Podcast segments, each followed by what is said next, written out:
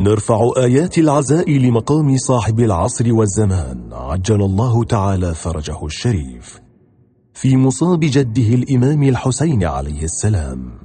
شبكة المنير تقدم لكم محاضرة سماحة الحجة السيد منير الخباز دام عطاؤه في الليلة الثانية من شهر محرم الحرام لعام 1441 للهجرة النبوية. وذلك في حسينية سنان بالقطيف. صلى الله وسلم عليك يا رسول الله. وعلى أهل بيتك المنتجبين يا ليتنا كنا معكم. فنفوز فوزا عظيما. أعوذ بالله من الشيطان الغوي الرجيم. بسم الله الرحمن الرحيم. والذي بعث في الأمين رسولا منهم يتلو عليهم آياته ويزكيهم ويعلمهم الكتاب والحكمة. وإن كانوا من قبل لفي ضلال مبين. آمنا بالله صدق الله العلي العظيم.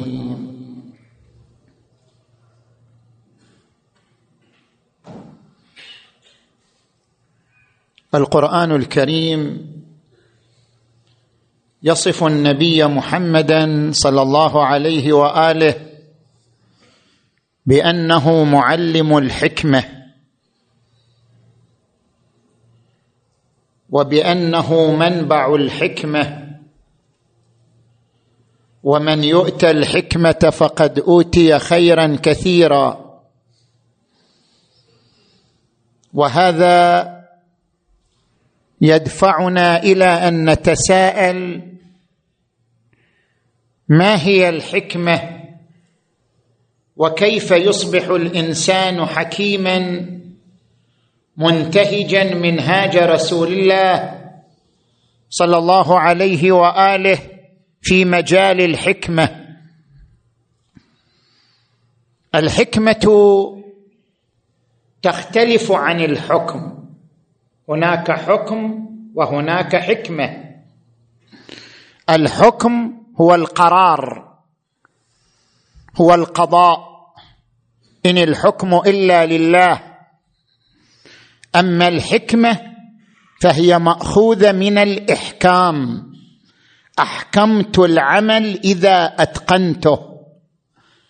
الحكمة هي عبارة عن إتقان العمل. ولذلك عرف اللغويون الحكمة أن تضع الشيء في موضعه. يقول الشاعر ووضع الندى في موضع السيف بالعلا مضر كوضع السيف في موضع الندى. وضع الشجاعة في موضع الكرم خلل وليس حكمة. وضع الكرم في موضع الشجاعة خلل وليس حكمة. لكل فعل موقع مناسب وظرف مناسب.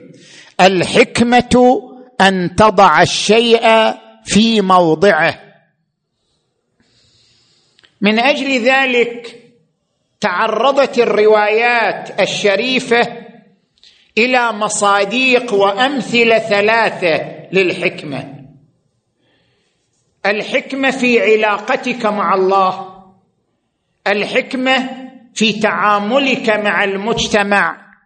الحكمة في حديثك وخطابك.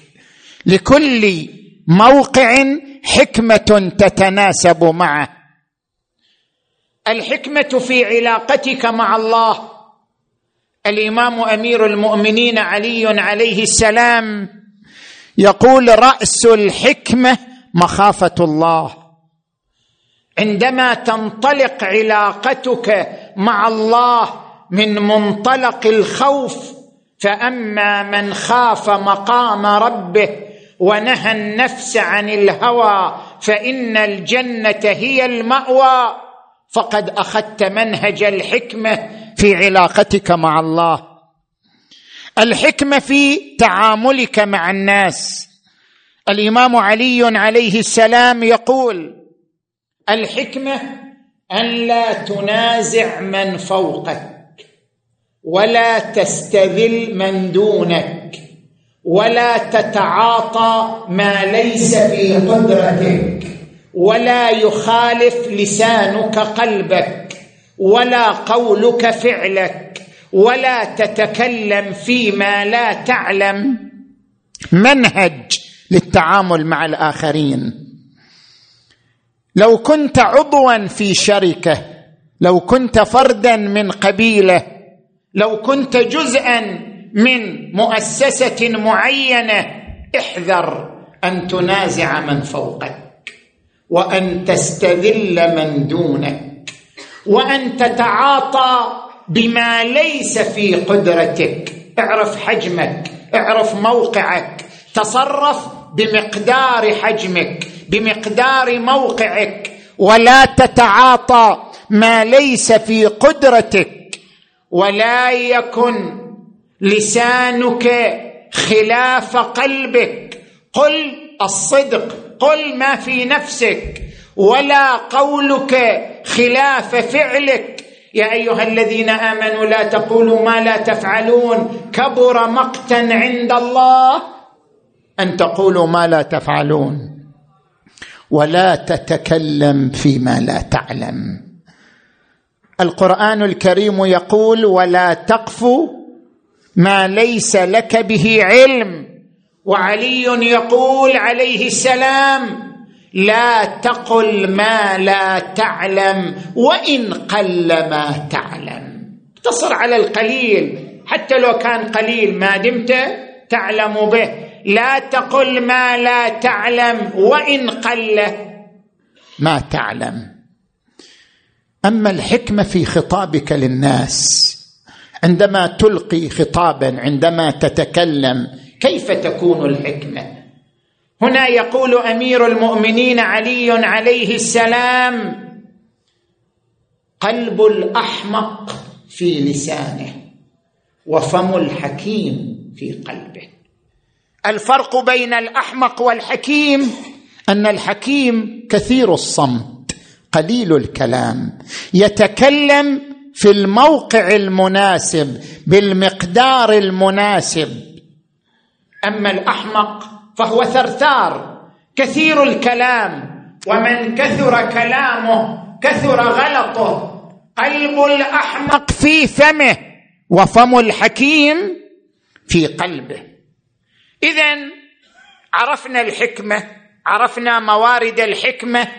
الآن نحن نريد أن نتحدث عن الحكمة من ثلاثة منطلقات. المنطلق الفلسفي المنطلق العلمي المنطلق النبوي. المنطلق الأول الحكمة في الإطار الفلسفي. الحكمة في كلمات الحكماء والفلاسفة. عندما نرجع لكلمات العلامة الطباطبائي العلامة المطهري رحمهما الله كيف نظر إلى الحكمة في إطارها الفلسفي؟ لاحظوا معي ركزوا قليلا معي. هناك نظريات ثلاث عند الفلاسفة في تحليل ما هو المعيار في الحكمة. متى يكون العمل حكمة؟ متى يكون عملك حكمة؟ ما هو المعيار في كون العمل حكمة؟ هناك نظريات ثلاث. هل المعيار في الهدف؟ هل المعيار في الدافع؟ هل المعيار في الرؤية؟ نشرح كل نظرية من هذه النظريات الثلاث. النظرية الأولى المعيار في الهدف. هذه النظرية تبناها ابن سينا والملا صدر الشيرازي أن الميزان في الحكمة هو تحديد الهدف من العمل. خل أشرح لك هذه النظرية. الإنسان له مرتبتان مرتبة ترابية ومرتبة ملكوتية. المرتبة الترابية هي هذا الجسم الذي جاء من التراب ويعود إلى التراب. هذا الجسم المسور بزمن ومكان وأبعاد مادية. هذا الجسم له متطلبات الغذاء الراحة إشباع الغرائز غريزة الجنس غريزة التملك. إشباع غرائزه إشباع شهواته كله ينصب في المرتبة الترابية لوجود الإنسان. هناك مرتبة أخرى أعلى من ذلك. ألا وهي المرتبة الملكوتية. ما هي المرتبة الملكوتية؟ هي الفطرة. التي هي وعاء للقيم. الفطرة مهد للقيم وعاء للقيم. الفطرة تعيش قيمة العبادة والتوجه إلى الله. كل إنسان بفطرته يشعر بتوجه نحو القوة الغيبية التي لا يعرف تفسيرها ولا تحديدها. فأقم وجهك للدين حنيفا فطرة الله التي فطر الناس عليها لا تبديل لخلق الله. الفطرة تعيش القيم العدالة الصدق الأمانة. كل إنسان يشعر بفطرته أنه يعشق الصدق يعشق العدالة يعشق الأمانة يعشق الإحسان. اذا هذه الفطرة التي هي مهد القيم مهد المثل هي المرتبة الملكوتية من وجود الإنسان. أين الحكمة؟ الحكمة أن تنتقل من المرتبة الترابية إلى المرتبة الملكوتية. أن تتحول من تراب إلى عنصر ملكوتي. أن تسمو وترتفع عن حضيض التراب إلى الملكوت الأسمى والملكوت الأعلى. كيف تنتقل من المرتبة الترابية إلى المرتبة الملكوتية؟ إنما تنتقل عبر الهدف. ما هو الهدف من أعمالك؟ إذا كان الهدف يصب في المرتبة الترابية أنت ما زلت ترابي. إذا كان الهدف يصب في المرتبة الملكوتية اذا أنت وصلت إلى درجة الحكمة. خلينا نمثل بأمثلة. الإنسان يسعى لتحصيل وظيفة. ليش تحصل وظيفة؟ يقول لك حتى أحصل على مال ما يصير أعيش بدون أموال. يقول ليش تريد تحصل على أموال؟ حالا يتكلم عن أهداف مرتبته الترابية. إذا حصلت على المال تزوجت بنيت فلة مريحة سقت سيارة مريحة عشت انسانا سعيدا أهداف تصب في المرتبة الترابية في الغذاء في البطن. في الشهوة في الجيب في الراحة في الوسادة.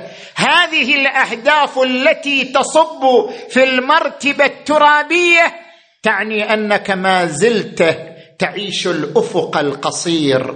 تعني أنك ما زلت تعيش الأهداف الدنيوية. زين للناس حب الشهوات. من النساء والبنين والقناطير المقنطرة من الذهب والفضة والخيل المسومة والأنعام والحرث. ذلك متاع الحياة الدنيا.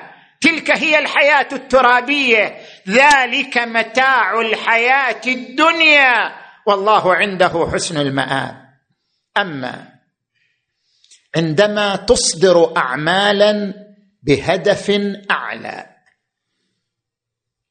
أنت إنسان صادق أنت إنسان عادل أنت إنسان أمين. لماذا تكون صادقا امينا عادلا؟ لماذا؟ هل يخدمك هذا في جيبك؟ في وسادتك الناعمة؟ في إشباع غريزتك؟ لا. الصدق العدالة الأمانة ليست كمالا لمرتبتك الترابية وإنما هي كمال لمرتبتك الملكوتية. الصدق والعدالة والأمانة كمال لروحك وليست كمالا لجسمك. اذا الصدق والعدالة والأمانة هي الحكمة لأنها تنقلك من المرتبة الترابية إلى المرتبة الملكوتية. هذه هي النظرية الأولى. الحكمة في الهدف.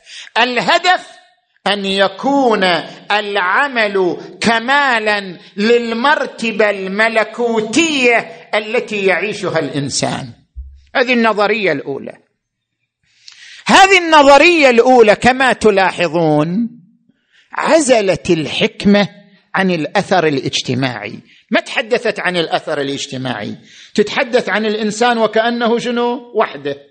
كيف أنت أيها الإنسان تنتقل من مرتبتك الترابية إلى مرتبتك الملكوتية؟ كيف تعيش روحا صافية طاهرة تتمتع بالصدق والعدالة والأمانة؟ هذه النظرية قصرت الحكمة على بناء الفرد.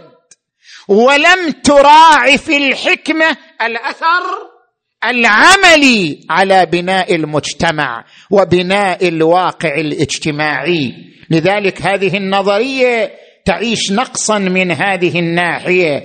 لم تأخذ في الحكمة الأثر العملي الفعال على الواقع الاجتماعي. نجي إلى النظرية الثانية. كانت الفيلسوف الألماني قال تكمن الحكمة العملية في الدافع لا في الهدف.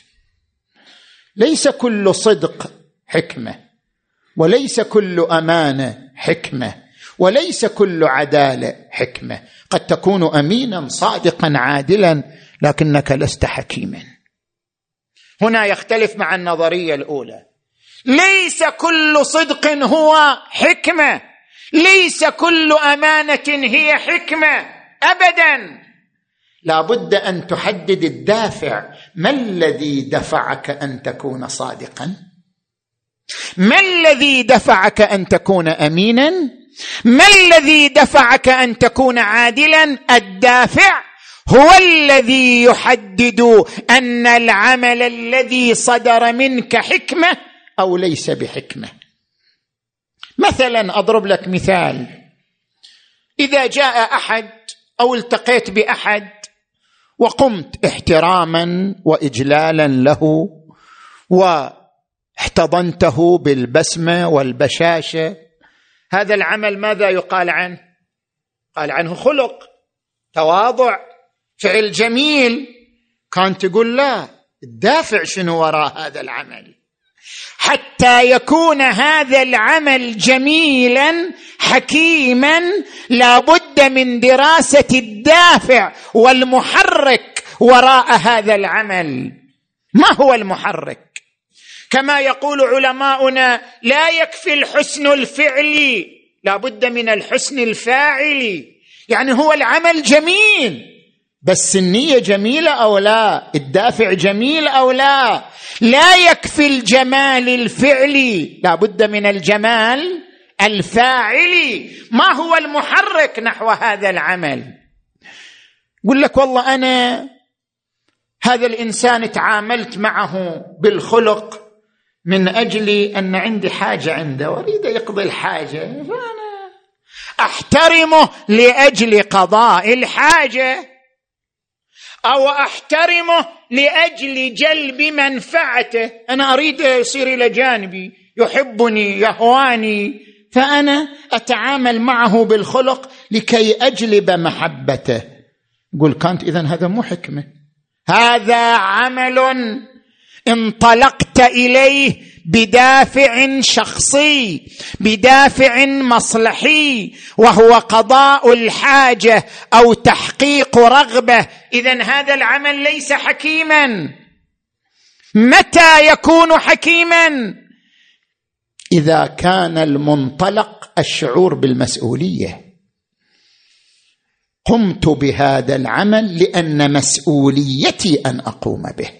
لا لأجل دافع شخصي لا لأجل مصلحة شخصية.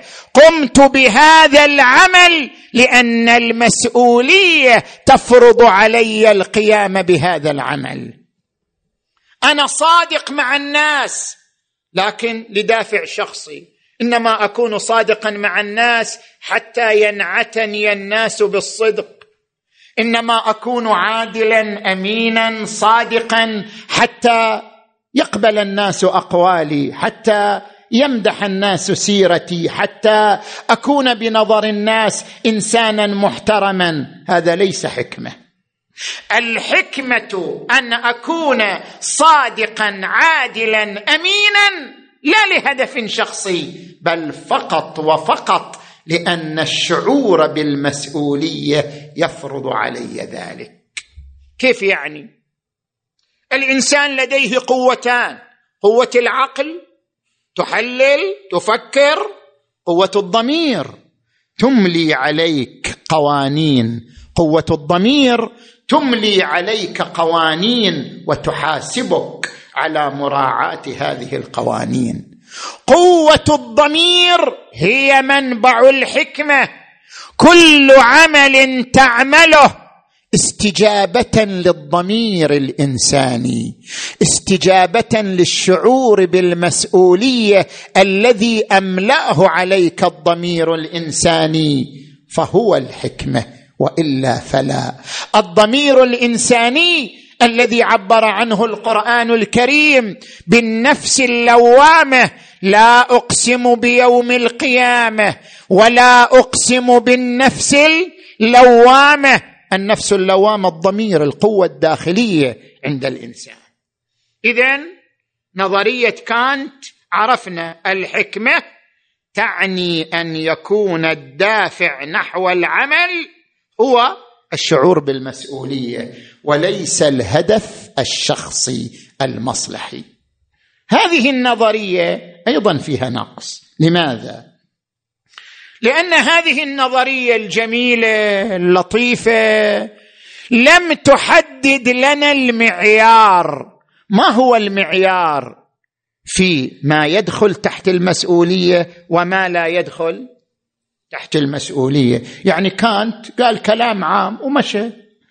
الحكمة هي العمل الذي تأتي به بدافع الشعور بالمسؤولية. طيب متى يكون العمل من ضمن مسؤوليتي حتى أتي به بدافع الشعور بالمسؤولية؟ متى يكون العمل خارج عن مسؤوليتي حتى لا أتي به بدافع الشعور بالمسؤولية؟ لم يحدد لنا كانت الضابطة المعيار الذي يفرز كل واحد من القسمين عن الآخر. لذلك نجي إلى النظرية الثالثة. النظرية الثالثة المعيار في الحكمة هو الانطلاق من سعة الرؤية. كيف يعني من سعة الرؤية؟ هو الانطلاق من الانا الجمعي. لا من الانا الفردي. ترى أنت ما تقدر تتحرر من الانا واحد يقول والله أنا أقدر أعيش حياتي بدون أهداف شخصية. مستحيل. لا يمكن للإنسان أن يتحرر من الانا أقوى غريزة تسيطر على الإنسان هي غريزة حب الذات. غريزة حب الأنا. غريزة عشق الأنا. مستحيل إنسان يتحرر من ذاته. مستحيل إنسان يتحرر من الأنا. لذلك لو قلنا الحكمة هي أن تتحرر من الأنا معناه قتلنا الحكمة. صارت الحكمة لا تقع إلا شنو؟ نادرا. صارت الحكمة صفة خاصة بالنخبة من الناس. صارت الحكمة صفة خاصة بالأولياء. بينما الحكمة طرحها الفلاسفة طرحها الحكماء طرحها الأنبياء.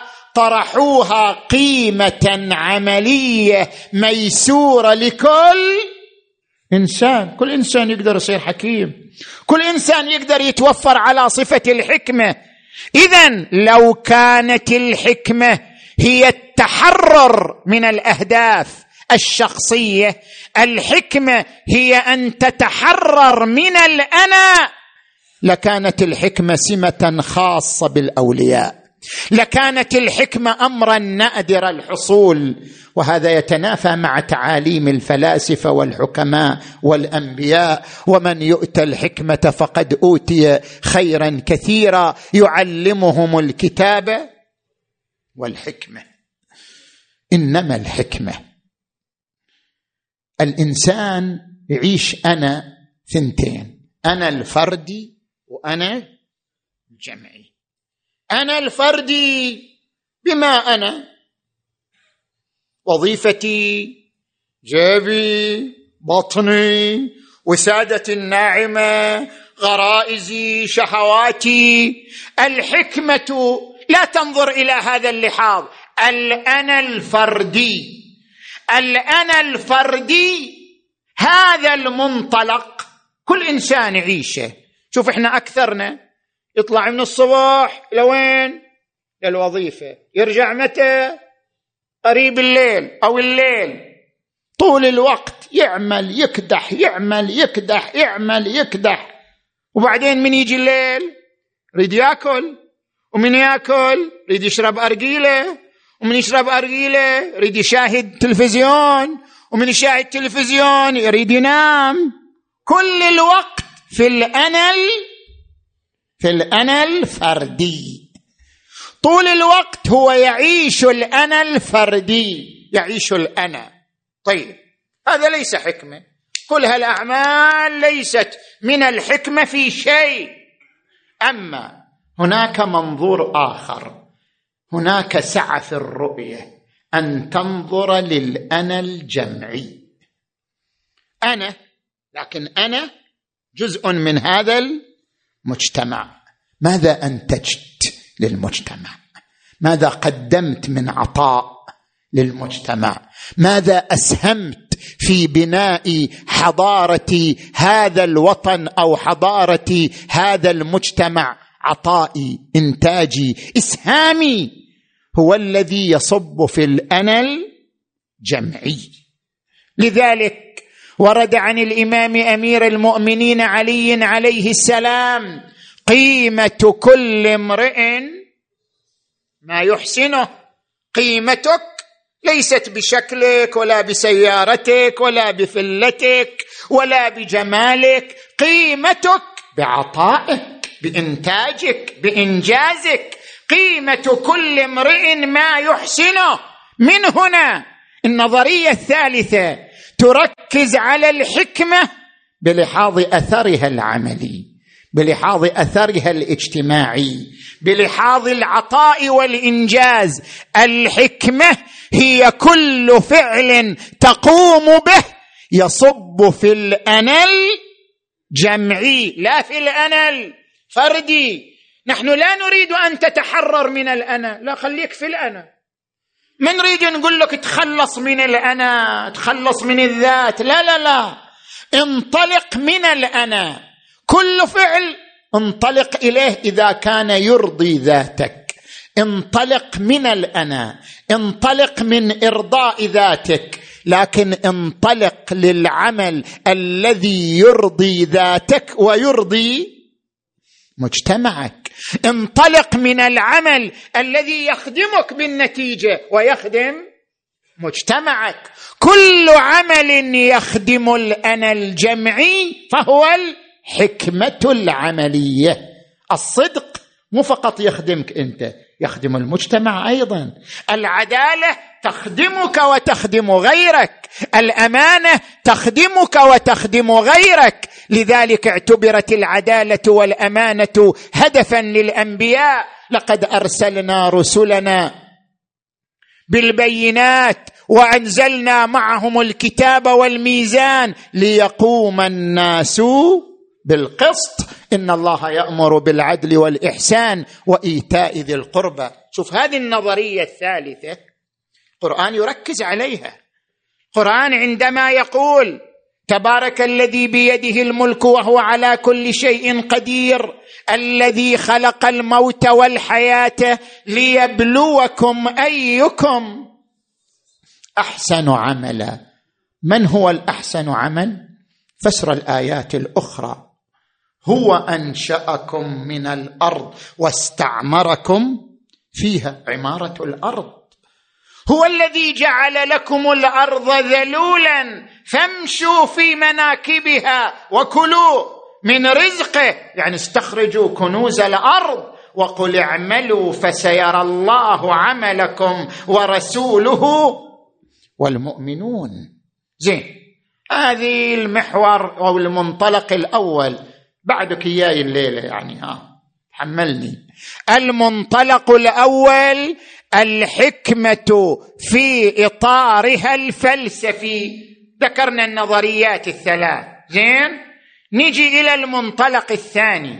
الحكمة في المنظور العلمي. علم النفس الاجتماعي كيف يعرف الحكمة كيف يتناول الحكمة. نجي الآن إلى هذا المجال.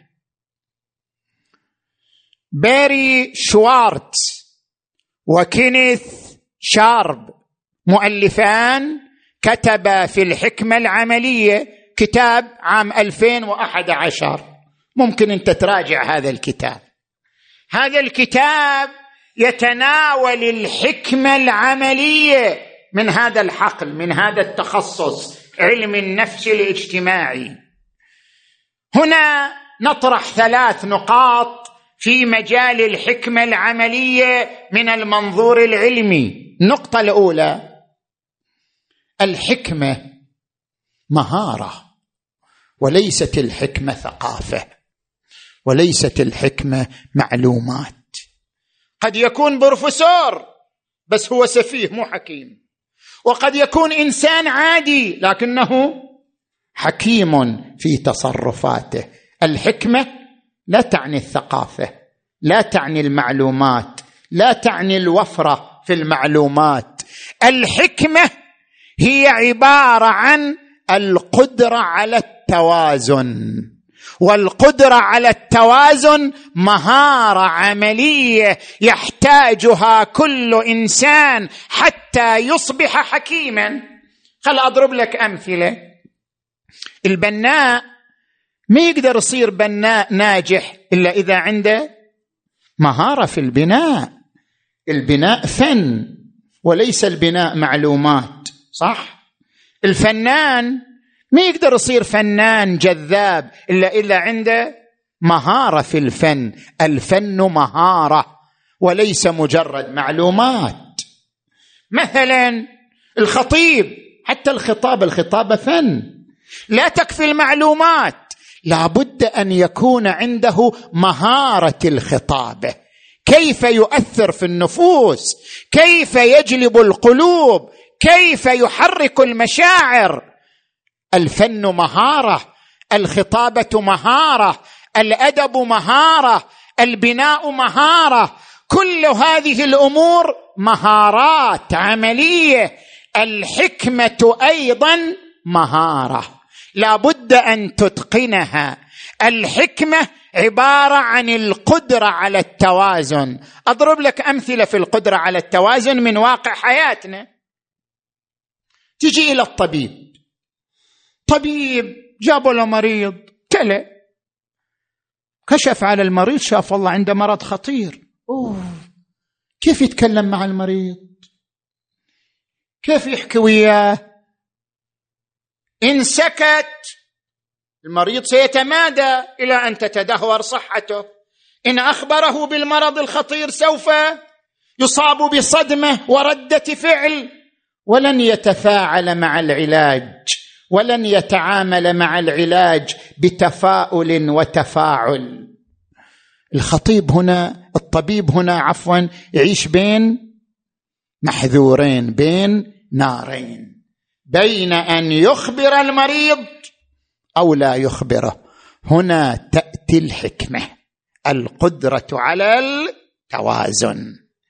كيف يقوم الطبيب بعلاقه متوازنه مع المريض فهو من جهة يخبره بمرضه بطريقة غير مباشرة تدريجية ومن جهة أخرى يجعله يتعامل مع العلاج بروح التفاؤل والتفاعل.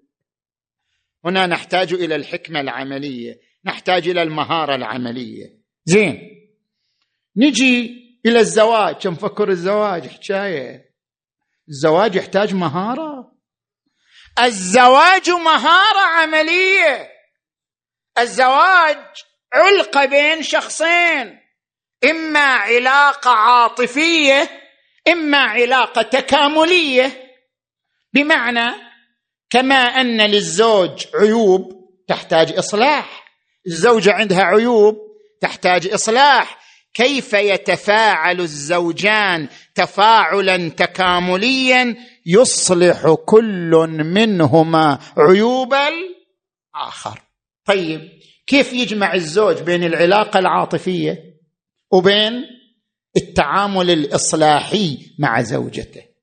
هنا تحتاج المسألة إلى مهارة تحتاج المسألة إلى حكمة المهارة في القدرة على التوازن. مثال ثالث حتى العبادة. بس لبالك العبادة الله أكبر ودخلنا في العبادة. لا! العبادة أيضا تحتاج إلى مهارة. العبادة أيضا تحتاج إلى مهارة تحتاج إلى حكمة. كيف؟ كيف توازن بين الكم والكيف العبادة كم وكيف؟ الآن مثلا خذ صلاة الليل أحد عشر ركعة. هل تتعامل مع صلاة الليل معاملة كمية؟ المهم أنا آتي بأحد عشر ركعة بطريقة يعني مهنية وتقنية. خلصنا. لا. صلاة الليل لمسات من الخشوع. صلاة الليل نبض القلب وهو يرتفع إلى الله خاشعا مطواعا مقبلا منيبا.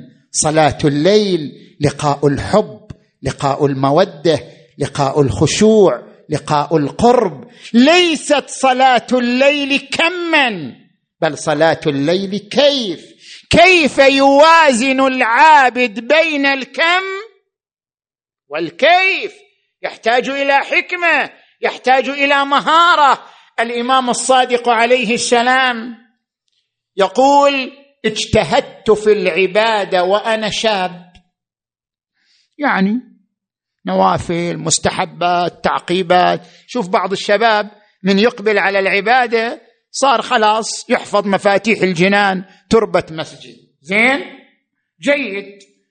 فقال إلي أبي يعني الإمام الباقر يا بني إن الله إذا أحب عبدا رضي منه باليسير.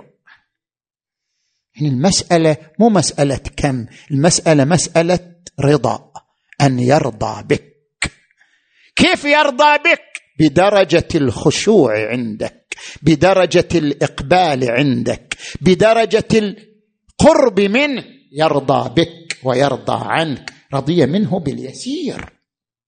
طيب إلى هنا عرفنا الحكمة بحسب هذا التخصص هي عبارة عن مهارة عملية هي القدرة على التوازن. بين الطرفين. زين.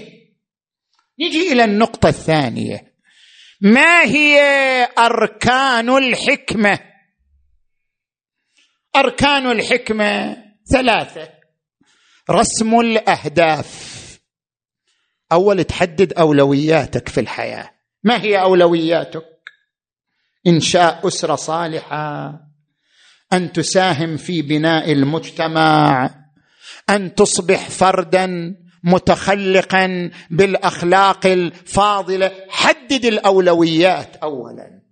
رسم الأولويات رسم الأهداف العليا هي أول دعامة من دعائم الحكمة العملية. هذا اولا. تجي إلى الركن الثاني الدعامة الثانية قراءة الظروف. إحنا مشكلتنا دائما نريد نسوي عمل فوق شنو؟ فوق مستوى الظروف. يصير غصب طع. ما يصير لا يصير. الحكمة أن يكون مشروعك بحجم الظروف بمساحة الظروف التي عندك. الحكمة أن تقرأ الظروف. أنت عندك مشروع تجاري. لابد أن تقرأ السوق. سوق كاسدة سوق متحركة. أنت عندك مشروع ثقافي مشروع تعليمي. هل هناك نخبة تتفاعل مع مشروعك الثقافي والتعليمي؟ لابد أن تقرأ الظروف. أنت عندك مشروع نهضوي. لابد أن تقرأ الظروف. تسمح بهذا المشروع النهضوي أم لا؟ اذا قراءة الظرف دعامة أخرى من دعائم الحكمة. الدعامة الثالثة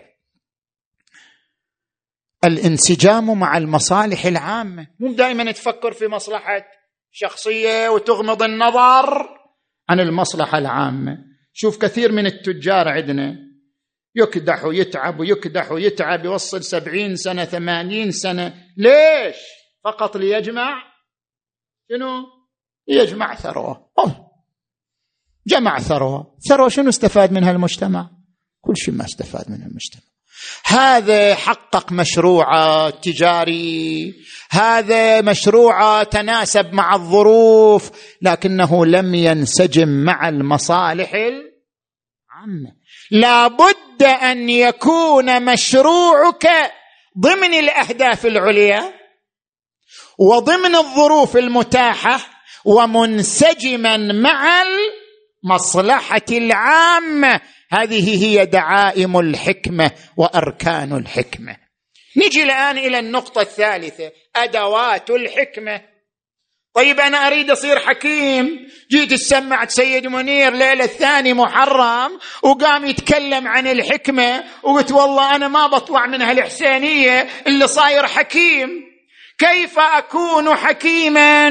ما هي الأدوات التي إذا امتلكتها ساعدتني على أن أكون انسانا حكيما؟ أنا الليلة مصمم أصير حكيم. ما هي الأدوات؟ هناك أدوات ثلاث لا بد منها في امتلاك الحكمة. الأداة الأولى الخبرة. إحنا قلنا الحكمة تحتاج إلى رسم أهداف وتحديد أولويات. كلما زاد الإنسان تجربة في الحياة اتسعت أهدافه اتضحت أولوياته. لذلك ورد عن الإمام أمير المؤمنين علي عليه السلام في التجارب علم مستفاد. الأداة الثانية الإرادة. الحكمة تحتاج إلى صبر. تحتاج إلى صمود. واصبر على ما أصابك. إن ذلك من عزم الأمور. أنت تحتاج إلى عزيمة إلى إرادة. جاء رجل إلى الإمام الصادق عليه السلام. قال إني مبتلى بأكل الطين. مثل الآن اللي يجيك شباب يقول ما ما أقدر أترك الجقاره صح لو لا؟ لازم أدنق رأسي بجقاره ما أقدر أترك الجقاره كيف أتركها؟ هذا بعد جاء إلى الإمام الصادق عليه السلام. إني مبتلى بأكل الطين. أحب أكل طين. كيف أترك؟ قال إنها عزمة من عزمات الرجال. يريد يقول إذا أنت رجل ها؟ أنت رجل الرجل عند إرادته. الرجل عند عزيمته. إذا قال لا يعني لا. إذا قال نعم يعني نعم. شخصيتك في إرادتك في قرارك. الحكمة تحتاج إلى الإرادة. الأداة الثالثة أن تقرأ ما حولك. خل أعرج شوية. الآن أنت معلم. أيها المعلمون أنت معلم عندك كلاس. قاعد تتحدث إلى طلابك وتلامذتك. كيف تتكلم معهم؟ يجب اولا أن تقرأ عقولهم أن تعرف مستوياتهم أن تعرف طاقاتهم حتى تختار الأساليب المؤثرة المنسجمة مع مستوياتهم. أن تقرأ ما حولك أن تقرأ أفكار من حولك. هذه أداة مهمة في الحكمة. هل أضرب لك مثال آخر؟ الخطيب. خطيب من أربعين سنة هو نفس شنو؟ نفس الأسلوب نفس المنهج نفس زين ولا خير لابد أن تقرأ المجتمع الذي حولك. المجتمع ما هي أفكاره؟ ما هي همومه؟ ما هي حاجاته؟ ما هي تطلعاته؟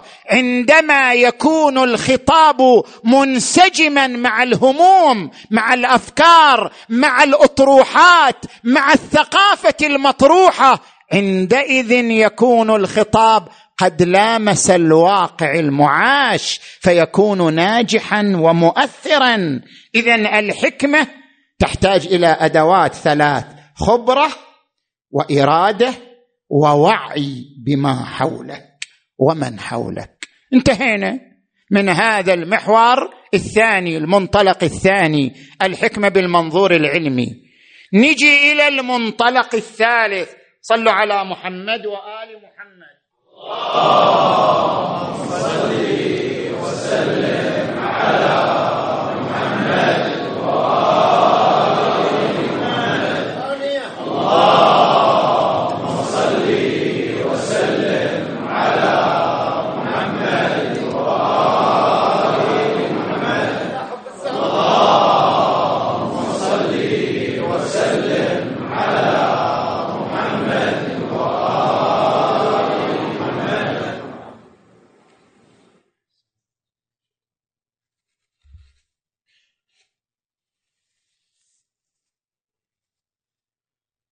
تجليات الحكمة في الشخصية المحمدية للرسول الأعظم صلى الله عليه وآله.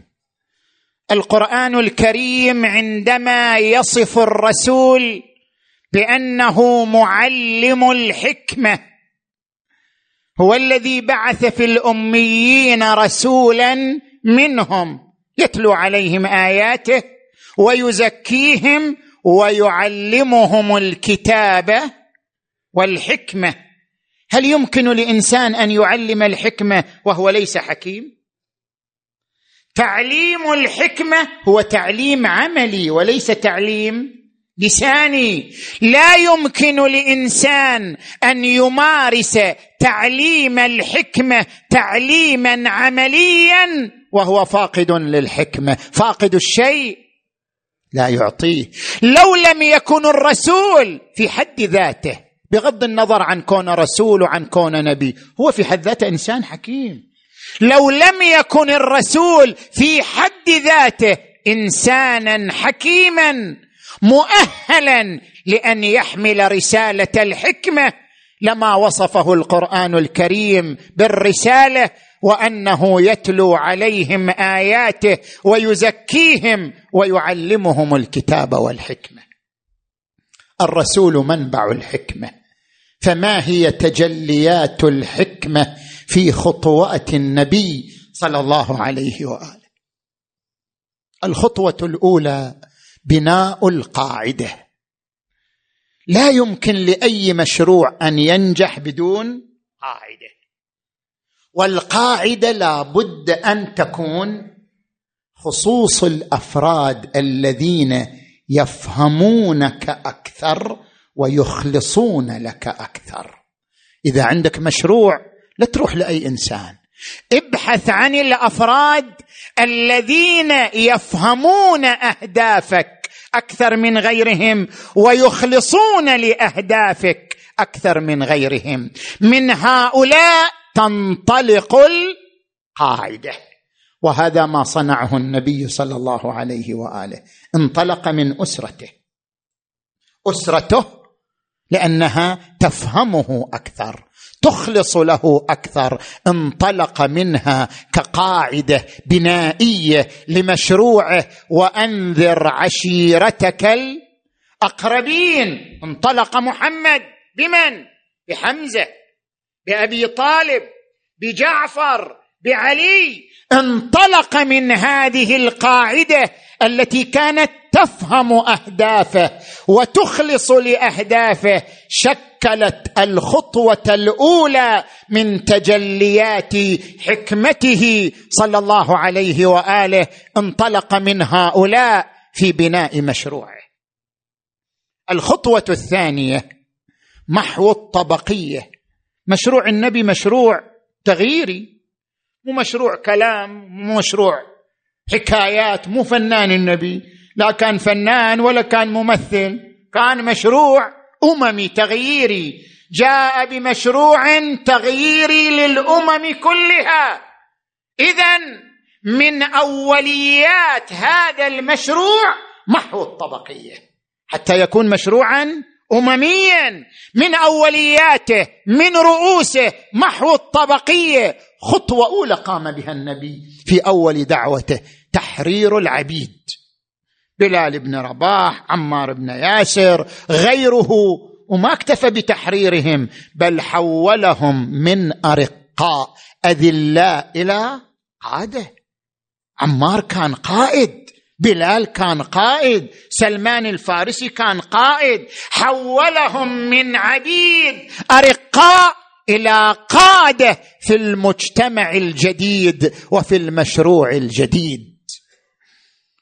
هذه خطوة عملاقة تدل على حكمته التي راعى فيها أولويات مشروعه فكان هؤلاء هم المنطلق. محمد رسول الله والذين معه أشداء على الكفار رحماء بينهم تراهم ركعا سجدا. يبتغون فضلا من الله ورضوانا. الخطوة الثالثة اختيار الموقع المناسب. النبي مر مشروع بمرحلتين. مرحلة الدعوة ومرحلة بناء الدولة. مرحلة الدعوة استغرقها في مكة ثلاثة عشر سنة هو يدعو. لما جاء إلى المرحلة الثانية وهي بناء الدولة اختار الموقع الآخر. لم تكن مكة موقعا مناسبا لبناء الدولة. انطلق إلى المكان الآخر من منطلق الحكمة لأن المدينة هي المشروع المناسب لبناء الدولة.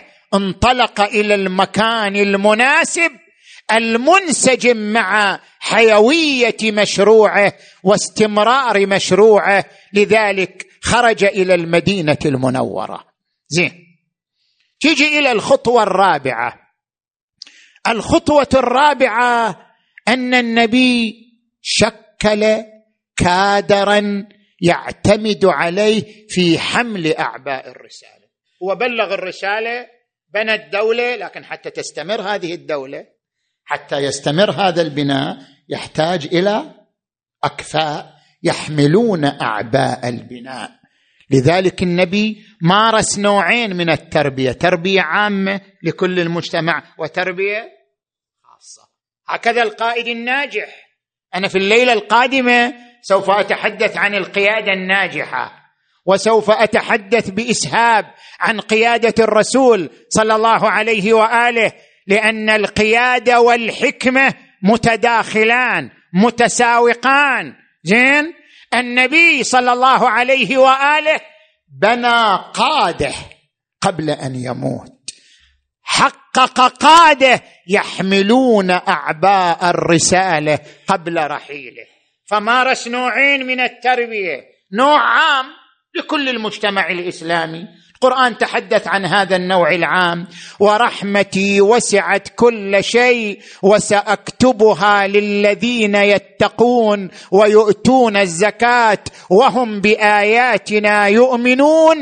الذين يتبعون الرسول النبي الأمي الذي يجدونه مكتوبا عندهم في التوراة والإنجيل. يأمرهم بالمعروف. تربية عامة وينهاهم عن المنكر ويحل لهم الطيبات ويحرم عليهم الخبائث ويرفع عنهم اصرهم والأغلال التي كانت عليهم. تربية عامة لكل المجتمع الإسلامي. وهناك تربية خاصة. اختار الصفوة اختار النخبة رباهم ليكونوا قادة المستقبل. هذه النخبة الخاصة التي اتكأ عليها عبر عنها القرآن الكريم. إنما يريد الله ليذهب عنكم الرجس أهل البيت ويطهركم تطهيرا. صل وسلم على محمد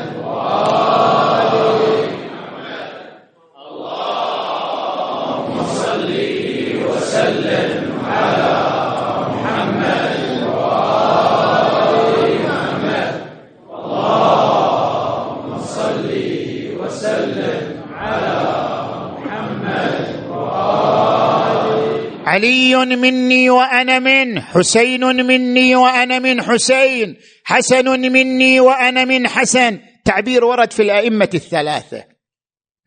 زين نجي إلى الخطوة الأخيرة لا أطيل عليكم. استيعاب المختلف.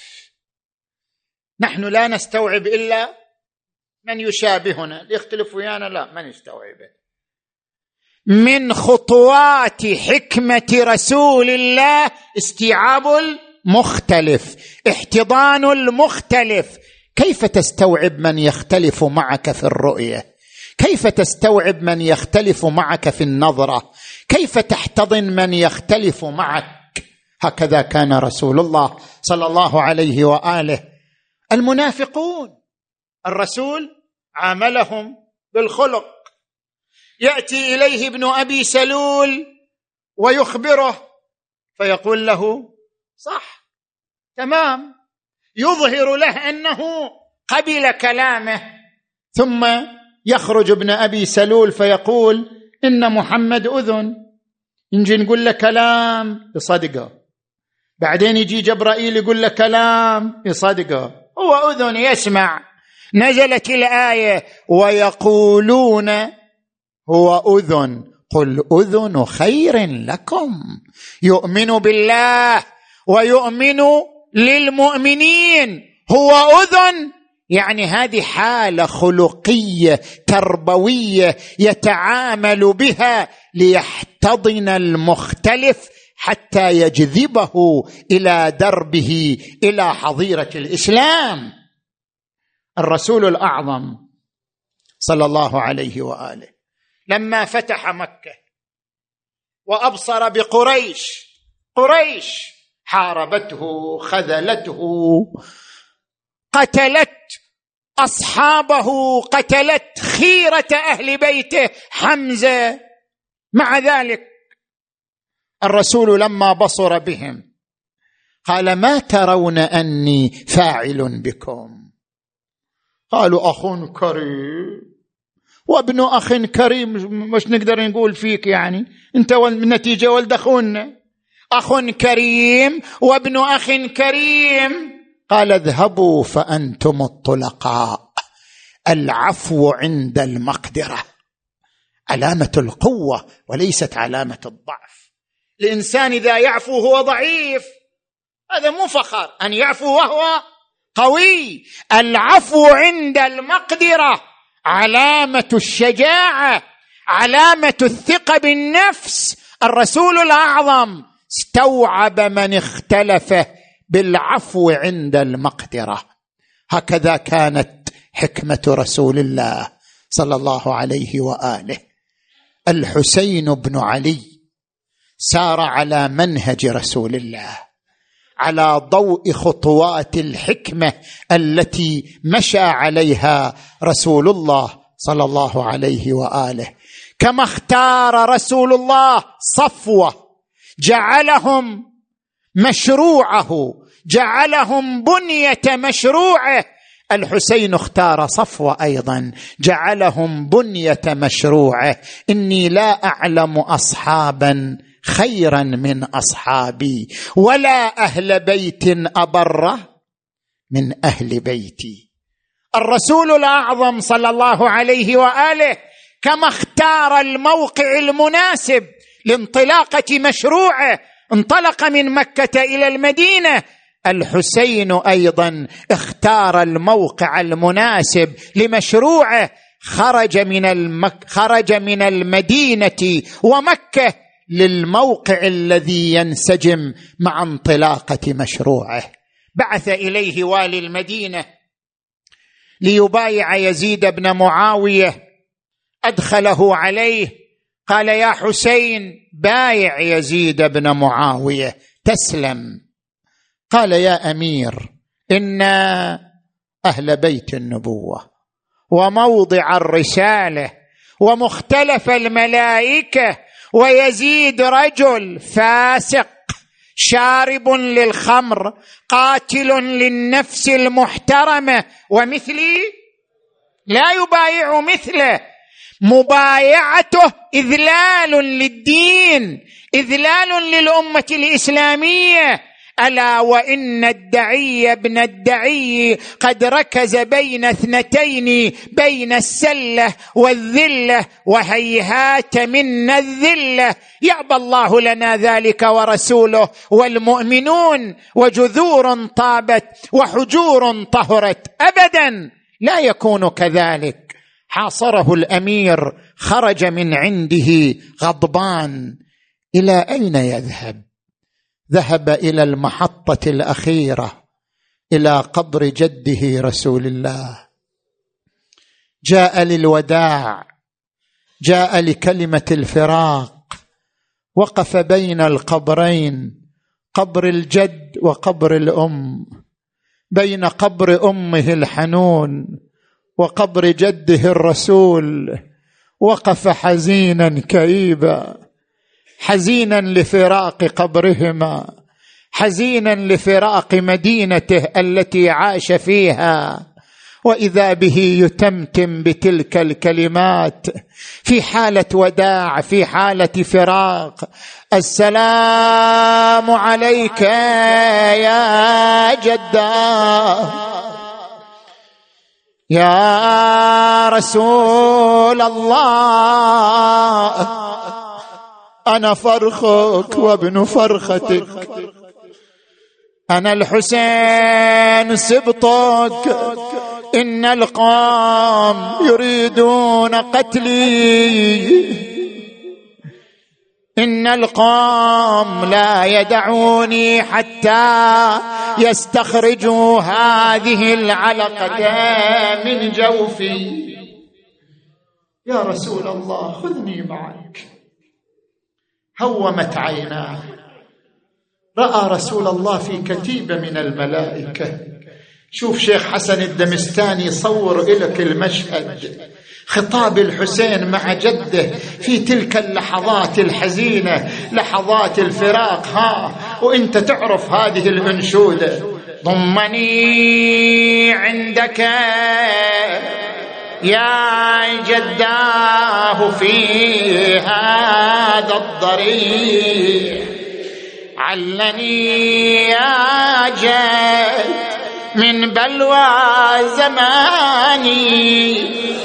أستريح.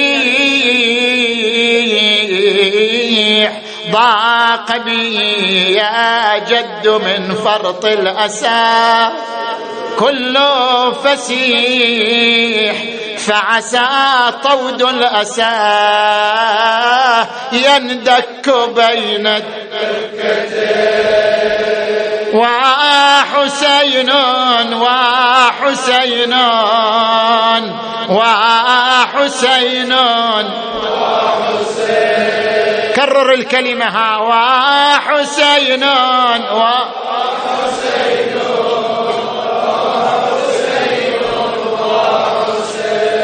جد صفو العيش من بايا يا يا ديك بالأكدار شيب.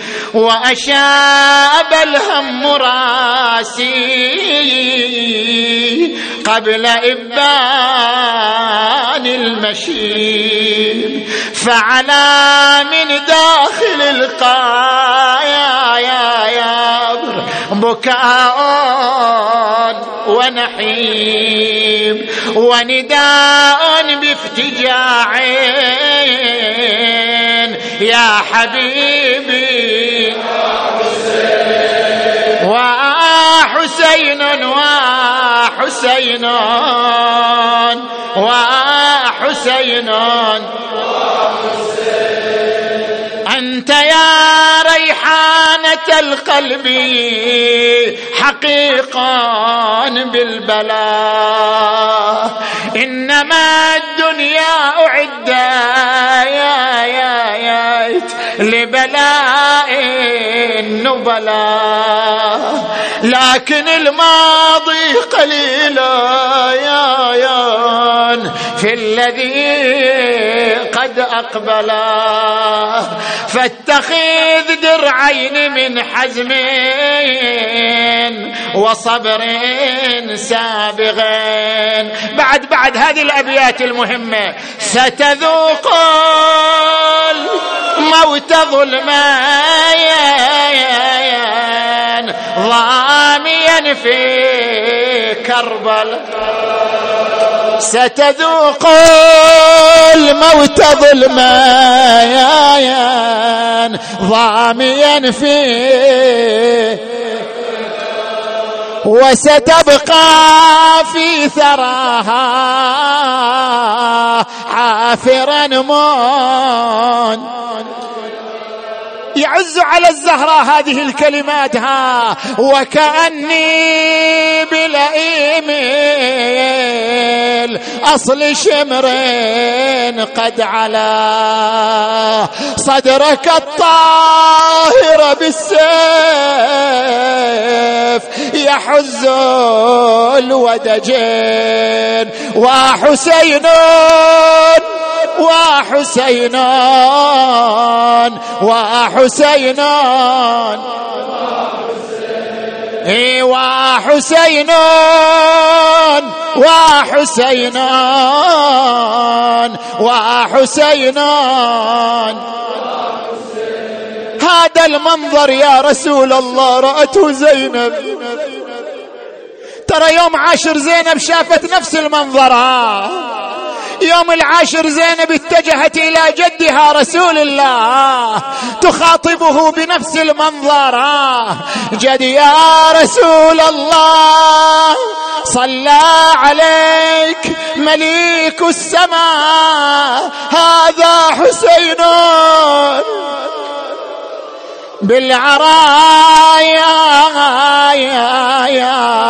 مذبوح الرأس من القفا.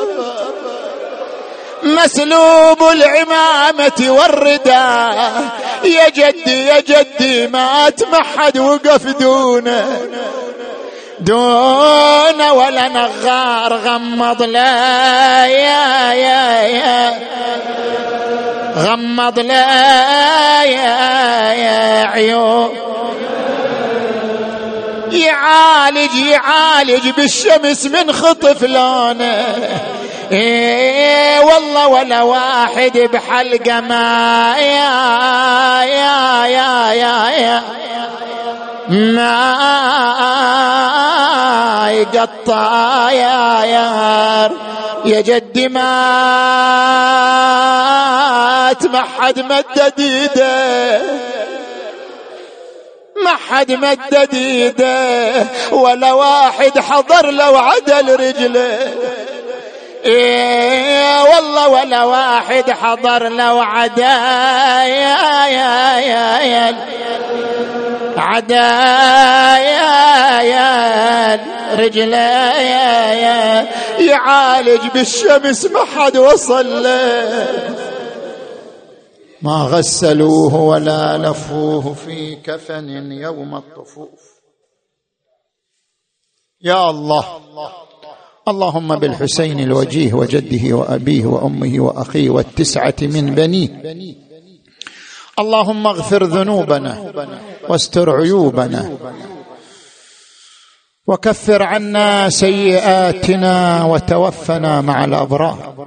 اللهم فرج همومنا وغمومنا.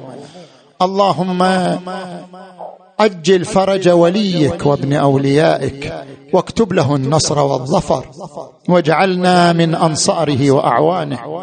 والمرضيين عنده.